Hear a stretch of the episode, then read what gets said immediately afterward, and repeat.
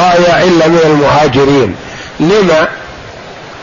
لأنه عليه الصلاة والسلام كان اتفاقه مع الأوس والخزرج على أنهم يدافعون عنه من جاء لقتاله.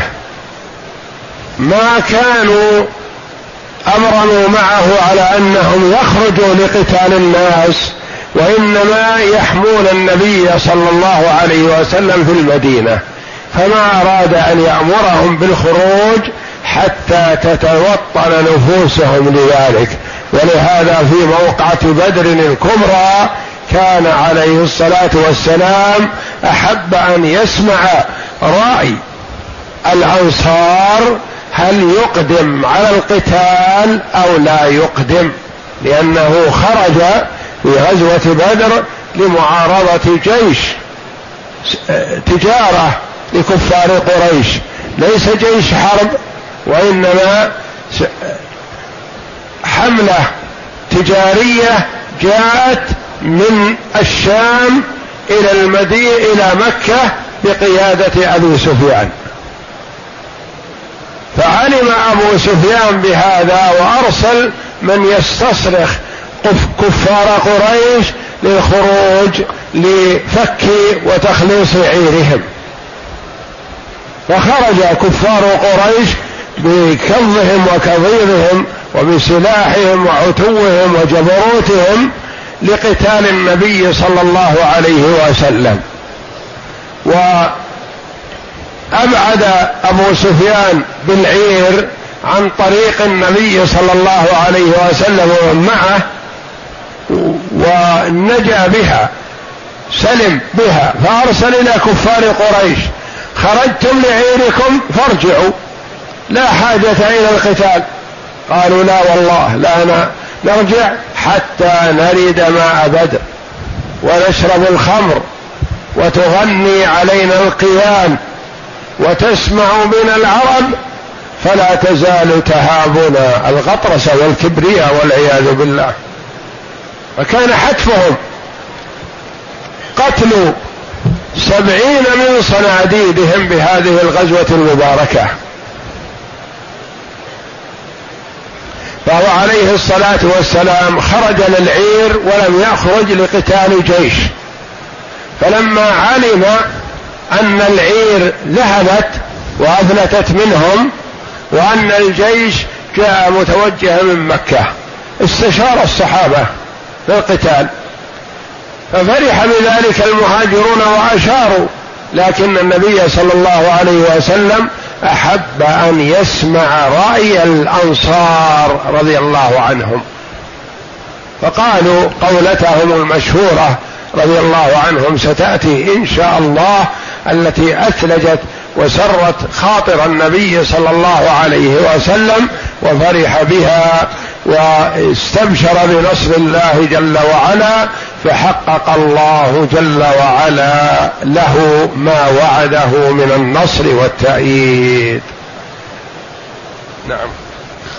بعثه في ثلاثين رجلا من المهاجرين يعترض عيرا لقريش جاءت من الشام وفيها أبو جهل بن هشام في ثلاثمائة رجل فبلغوا سيف البحر من ناحية العيص فالتقوا واصطفوا للقتال فمشى مجدي بن عمرو الجهني وكان الجهني كان معاهد للنبي صلى الله عليه وسلم مع جهينة كما تقدم وكان حليف لكفار قريش فمشى بينهم وحال بينهم وبين القتال. ما ما صار قتال في هذه الغزوة لكنها فيها فوائد عظيمة. وجد الرعب والخوف في قلوب كفار قريش بأن هذه المرة سلموا المرة الثانية لن يسلموا بإذن الله. نعم. فمشى مجدي بن عمرو الجهني وكان حليفا للفريقين جميعا. يعني حليفا لل... للنبي صلى الله عليه وسلم والمسلمين في الحلف الذي حصل مع جهينة وحليفا لكفار قريش نعم. بين هؤلاء وهؤلاء حتى حجز بينهم فلم يقتتلوا وكان وكان لواء حمزة أول لواء عقده رسول الله صلى الله عليه وسلم وكان أبيض وكان أول لواء عقده النبي صلى الله عليه وسلم هذا اللواء وأرسل به عمه رضي الله عنه حمزة بن عبد المطلب. وكان وكان حامله أبا مرثد كناز بن حسين الغنوي. رضي الله عنهم وأرضاهم. والله أعلم وصلى الله وسلم وبارك على عبده ورسول نبينا محمد وعلى آله وصحبه أجمعين.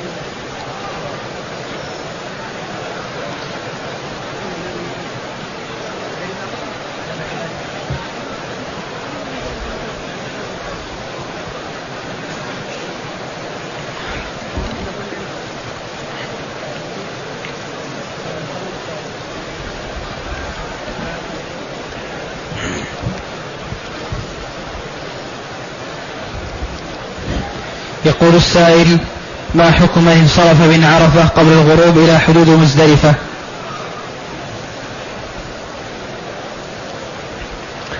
لا يجوز للحاج أن ينصرف من عرفة قبل غروب الشمس فمن وقف بعرفة نهارا وجب عليه أن يضيف مع النهار جزءا من الليل ولو يسيرا. فمن وقف نهارا ما يجوز له الانصراف حتى تغرب الشمس. والمسؤولون وفقهم الله يجعلون حواجز للناس حتى لا ينصرفوا قبل الغروب. لكن مع الأسف الشديد كثير من الإخوة الحجاج وفقهم الله للقبول ما يتقيدون بهذه التوجيهات. يأتيهم الدعاة والموجهون فيقولون لهم ادخلوا عرفة أنتم خارج عرفة فيقولون لا مكاننا هذا زين. يأتيهم الدعاة يمنعونهم من الانصراف من عرفة قبل الغروب فيفلتون من أيديهم وينصرفون. ماذا يريد منكم إخوتكم حينما يأمرونكم بالدخول إلى عرفة؟ وماذا يريدون منكم حين يأمركم أن تنتظروا في عرفة حتى الغروب؟ يريدون صحة حجكم. يريدون أن يكون حجكم على السنة. صحيح. وكثير من الإخوة هداهم الله يفلتون من هؤلاء ويظنون أنهم يريدون أن يمنعوهم عن خير وليس كذلك بل هم يمنعوهم عن أن يفسدوا حجهم. فلا يجوز للمسلم الحاج أن ينصرف من عرفة قبل غروب الشمس. فإن انصرف قبل الغروب وجب عليه الرجوع. يجب عليه أن يرجع إلى عرفة. ليجمع بين الليل والنهار ولو قليل. فإن انصرف قبل الغروب ولم يعد فيجب عليه هدي. هدي جبران. لا يأكل منه ولا يهدي منه لغني وإنما يكون للفقراء. يجبر هذا النقص الذي حصل منه. وذلك أن من وقف نهارا لا بد أن يجمع معه ولو شيء يسير من الليل. أما من وقف ليلا فيكفيه الوقوف ولو قل.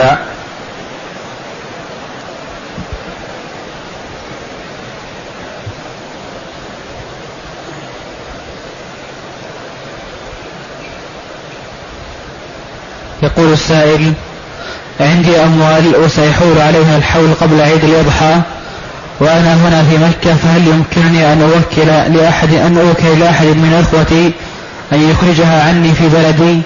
وهل يمكن أن أعطيها لقرابتي أختي مثلا وذلك لفقرها؟ وهل تعطى للذين لا يقيمون الصلاة سواء كانوا قرابة أو غير قرابة؟ وهل هناك أفضلية في إعطائها لأهل السنة والكتاب؟ اولا التوكيل في إخراج الزكاة سائق وجائز والحمد لله. فتوكل من تثق به بإخراج الزكاة. وهذا أولى من الانتظار لأن الإنسان لا يدري ما يعرض له فقد ينام ولا يقوم من نومته. وقد يخرج لحاجة ولا يعود من حاجته هذه إلا ميت. والمفروض في المسلم أن يكون على استعداد للقاء الله جل وعلا ويكتب ما له وما عليه وإن كان عليه حق زكاة أو كفارة أو دين لآدم يسجله حتى لا يباغته الأجل ويذهب هذا الحق على صاحبه ويطالب به يوم القيامة. ويكتبه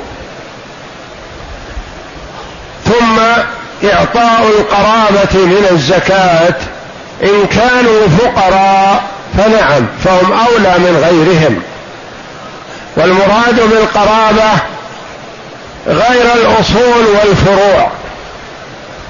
الأصول الآباء والأمهات سواء كانوا وارثين أو غير وارثين ما يجوز أن تعطيهم من الزكاة. الأبناء والبنات الفروع سواء كانوا وارثين أو غير وارثين كأبناء البنات وبنات البنات ما تعطيهم من الزكاة. الأصول والفروع ما يعطون من زكاة المال لأنها إذا قصرت بهم النفقة يجب أن ينفق عليهم الإنسان من حر ماله. غير الأصول والفروع الشخص الذي ترثه أنت ما يجوز أن تعطيه من زكاتك مثلا أخوك الشقيق والأب غير موجود وليس له أولاد يحجبونك من الميراث ما تعطيه من الزكاة. أخوك إذا كان فقير والأب موجود تعطيه من الزكاة. لأن الأب يحجبك من الميراث. أخوك إذا كان فقير وعنده بنين الأبناء يحجبونك من الميراث تعطيه من الزكاة. فالوارث يعني الشخص الذي ترثه أنت ما تدفع له من زكاة مالك. من لا ترثه من إخوة وأخوات وأعمام وعمات وأخوال وخالات تدفع لهم زكاة مالك. وإذا كانوا فقراء فهم أولى من الاواعد من لا يصلي إن كان تارك للصلاة بالكلية وكافر فلا يعطى من الزكاة لأن الزكاة هذه لفقراء المسلمين. أما الكافر فما يعطى من الزكاة. وينظر إن كان معلن لكفره أو ما بين عليه الكفر فلا يعطى من الزكاة. وإن كان مسلم لكنه فاسق فيدعى إلى الله جل وعلا يرغب في الخير ويعطى من الزكاة لعل الله أن يصلحه ويهديه.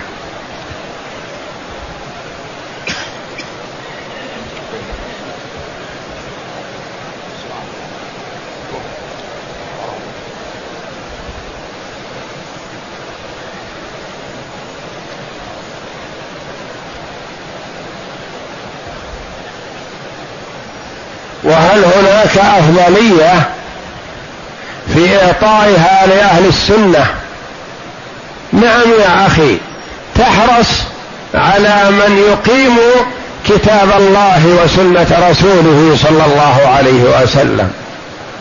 تحرص على التقي لتعطيه من زكاة مالك لأنك أحببته وعرفته في الله والحب في الله والبغض في الله. أوثق عرى الإيمان. أنت أحببت هذا الرجل وأعطيته لأنه تقي وصالح ويقيم الكتاب والسنة ويجتنب الخرافات والبدعة. نعم فتؤجر على هذا. تركت الآخر لأنه خرافي لأنه ما يتقيد بالسنة. واقع في كثير من البدع. تنهاه. وترغبه في الخير فإن استجاب فالحمد لله وإلا من حقك أن تحرمه من الزكاة لأنه مخالف لكتاب الله وسنة رسوله صلى الله عليه وسلم. وينبغي للمسلم أن يكون عنده فرق. يحب هذا لأنه يصلي لأنه تقي لأنه فاضل مطيع لله. ويبغض الآخر لأنه لا يصلي لأنه فاسق لأنه يشرب الخمر. أوثق عرى الإيمان الحب في الله والبغض في الله. لكن مع الأسف الشديد بعض الناس يحب من هو من معاملته كما يقول البعض معاملته حسنة وأسلوبه طيب مع الناس ولو كان ما يصلي يألفه. والواجب أن يألف التقي ويبغض الفاسق والفاجر حتى وإن كان لسانه حسن ويعامل الناس معاملة حسنة ونحو ذلك ما يحبه لأجل هذا وإنما يحبه لطاعته لله جل وعلا.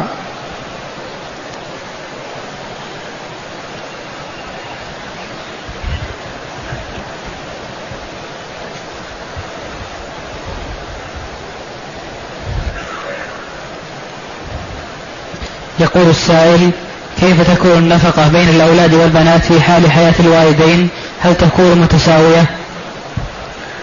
النفقة على الأولاد من بنين وبنات لأن كلمة الأولاد تشمل البنين والبنات والأبناء للذكور والبنات للإناث والأولاد يشمل الذكور والإناث كما قال الله تعالى يوصيكم الله في أولادكم للذكر مثل حظ الأنثيين.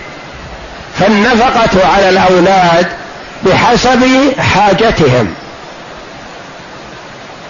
فمثلا عندك ابن كبير ما عنده دخل عنده أولاد من بنين وبنات تنفق عليه وعلى أولاده وبنيه وبناته. عندك آخر متوسط الحال عندك في البيت تنفق عليه على قدره. عندك رضيع ابن ابن سنة نفقته على قدره حليب ونحوه. فالنفقة حسب الحال. ما يقال إنك تعطي الكبير ابن عشرين سنة أو أربعين سنة مثل ما تعطي ابن سنة أو ابن شهر أو شهرين وإنما النفقة حسب الحاجة. هذا يحتاج إلى الزواج وما عنده شيء. تعطيه ما يتزوج به تدفع المهر عنه من أجل أن يتزوج. لأنه في حاجة إلى الزواج وليس عنده شيء. ابن سنة أو سنتين ما تعطيه مثله لأن هناك دفعت له مهر عشرة آلاف خمسين ألف أقل أكثر. ما تقول أعطي الصغير مثله لأني أعطيت الكبير خمسين ألف نفقة زواج أكتب للصغير مثل الكبير. نقول لا الزواج ونفقاته من النفقة. هذا يحتاج إلى الزواج تزوجه. هذا صغير غير محتاج للزواج ما تعطيه نفقة الزواج وهو ابن خمس سنوات أو عشر سنوات. إن أحتاج إلى الزواج وأنت حي فتساعده وتعطيه مثل ما أعطيت إخوته. وإن قدمت إلى ربك قبل أن يبلغ فلا عليك ولا يجوز لك أن تعطيه مقابل ما زوجت به إخوانك كذا. فالنفقة بحسب الحاجة والكفاية بخلاف الباقي غير النفقة. ما تعطي الكبير ابن عشرين سنة مثلا أو أربعين سنة أرض أو بيت يساوي كذا وتحرم الصغير؟ لا ما يجوز لك هذا. إذا أعطيته شيئا يبقى فتسوي بين أولادك. قوله صلى الله عليه وسلم اتقوا الله واعدلوا بين أولادكم. لا تشهدني على جور أشهد على هذا غيري الصحابي الذي جاء ليشهد النبي صلى الله عليه وسلم بأنه نحل ابنه غلاما. فقال أكل ولدك أعطيته مثله؟ قال لا هذا ألحت عليه أمه فأعطاه والآخرون ما أعطاهم شيء. فرفض النبي صلى الله عليه وسلم الشهادة على هذا ووعظه ومره أن يرجع في هبة هذا. يقول الولد فرجع أبي فرد تلك الهبة. فالهبة التي تبقى ما يجوز أن يميز بها بعض الولد على بعض لكن النفقة هذا تنفق عليه في اليوم. مثلا ريال واحد وهذا تنفق عليه في اليوم عشرة ريالات وهذا خمسين ريال وهكذا حسب حاجتهم.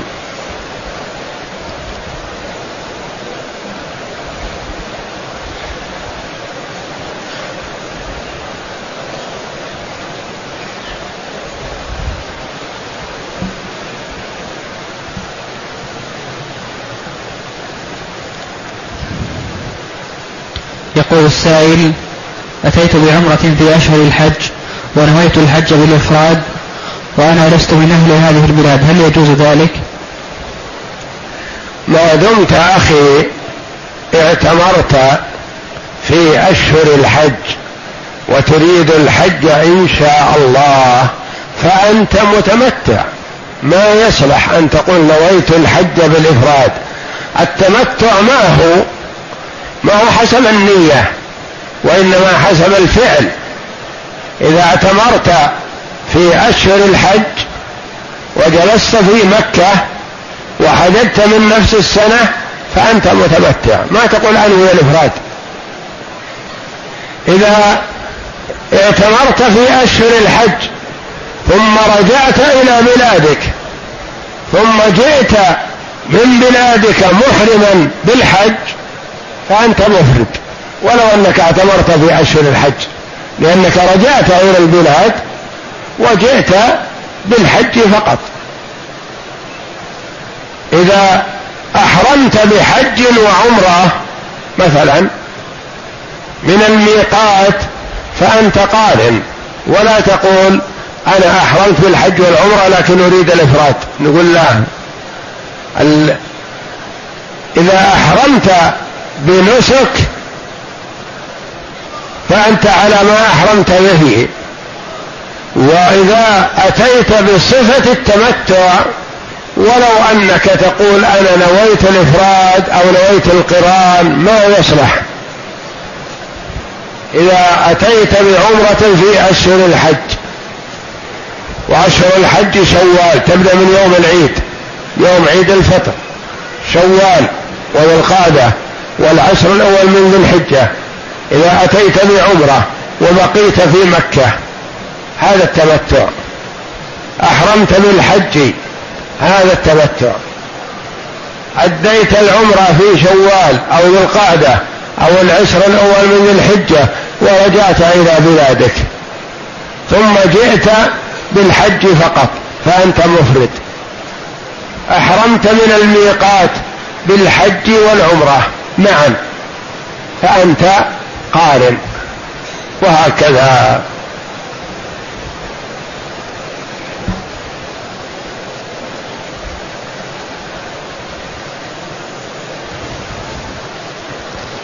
يقول السائل هل يجوز الإيماء بالسجود إذا لم يستطع المرء السجود بسبب الزحام؟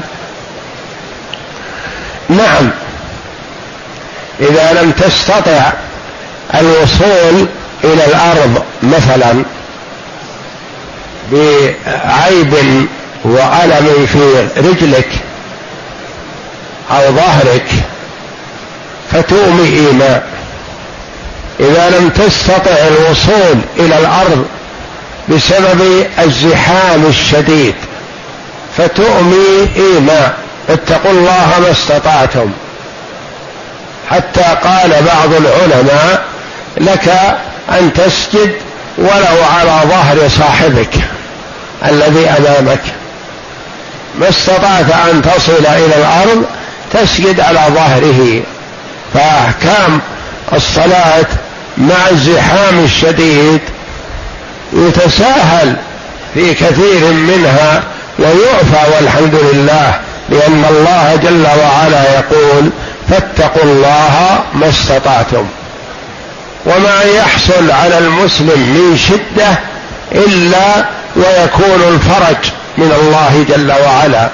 يقول جل وعلا ما جعل عليكم في الدين من حرج ملة أبيكم إبراهيم. ما على المسلم من حرج إذا اتقى الله ما استطاع. فرق بين أن يكون العبد اتقى الله ما استطاع أو تساهل. وأضرب لهذا مثلا شخص في البرية عميت عليه القبلة. ما يدري أين القبلة وما عنده أحد يسأله. نقول صل إلى أي جهة. تحر القبلة وصل وصلاتك صحيحة.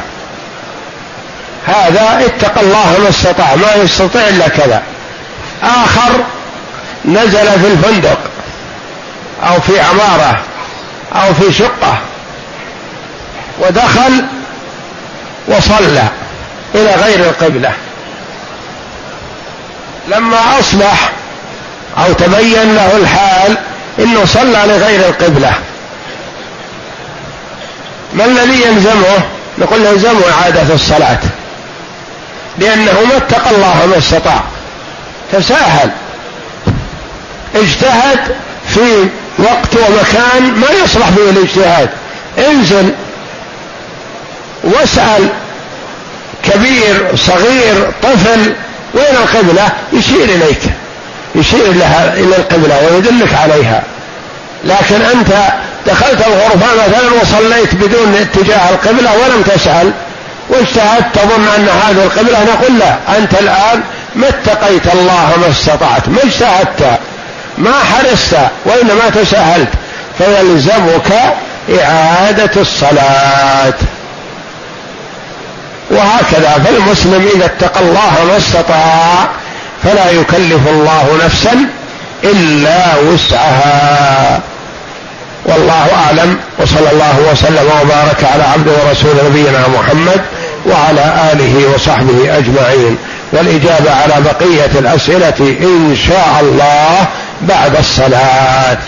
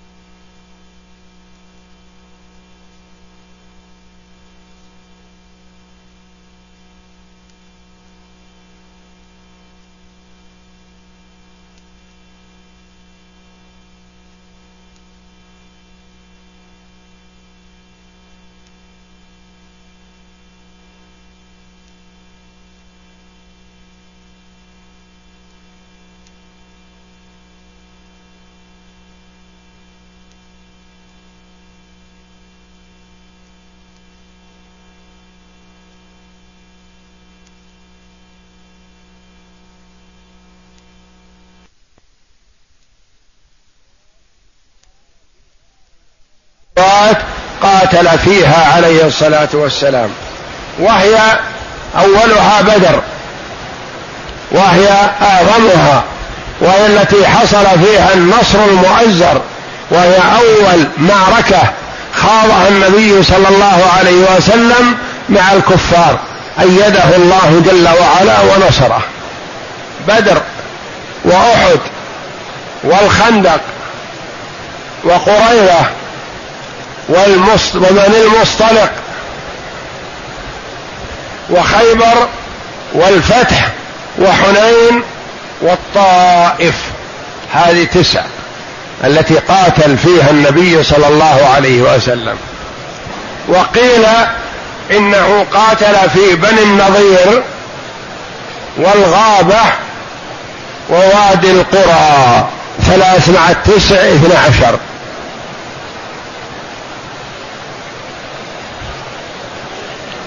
وأما سراياه صلى الله عليه وسلم وبعوثه فقريب من ستين سريه يرسلها عليه الصلاة والسلام. لأنه أول هجرته إلى المدينة كان غالبا في الشهر يرسل أكثر من سرية. وفي كل شهر غالبا يرسل سرية. والسرايا منها ما قاتل وحصل على غنائم ومنها من لم تقاتل. والغزوات الكبار وتسمى الأمهات سبع وهي بدر وأحد والخندق وخيبر والفتح وحنين وتبوك. سبع. هذه كبار.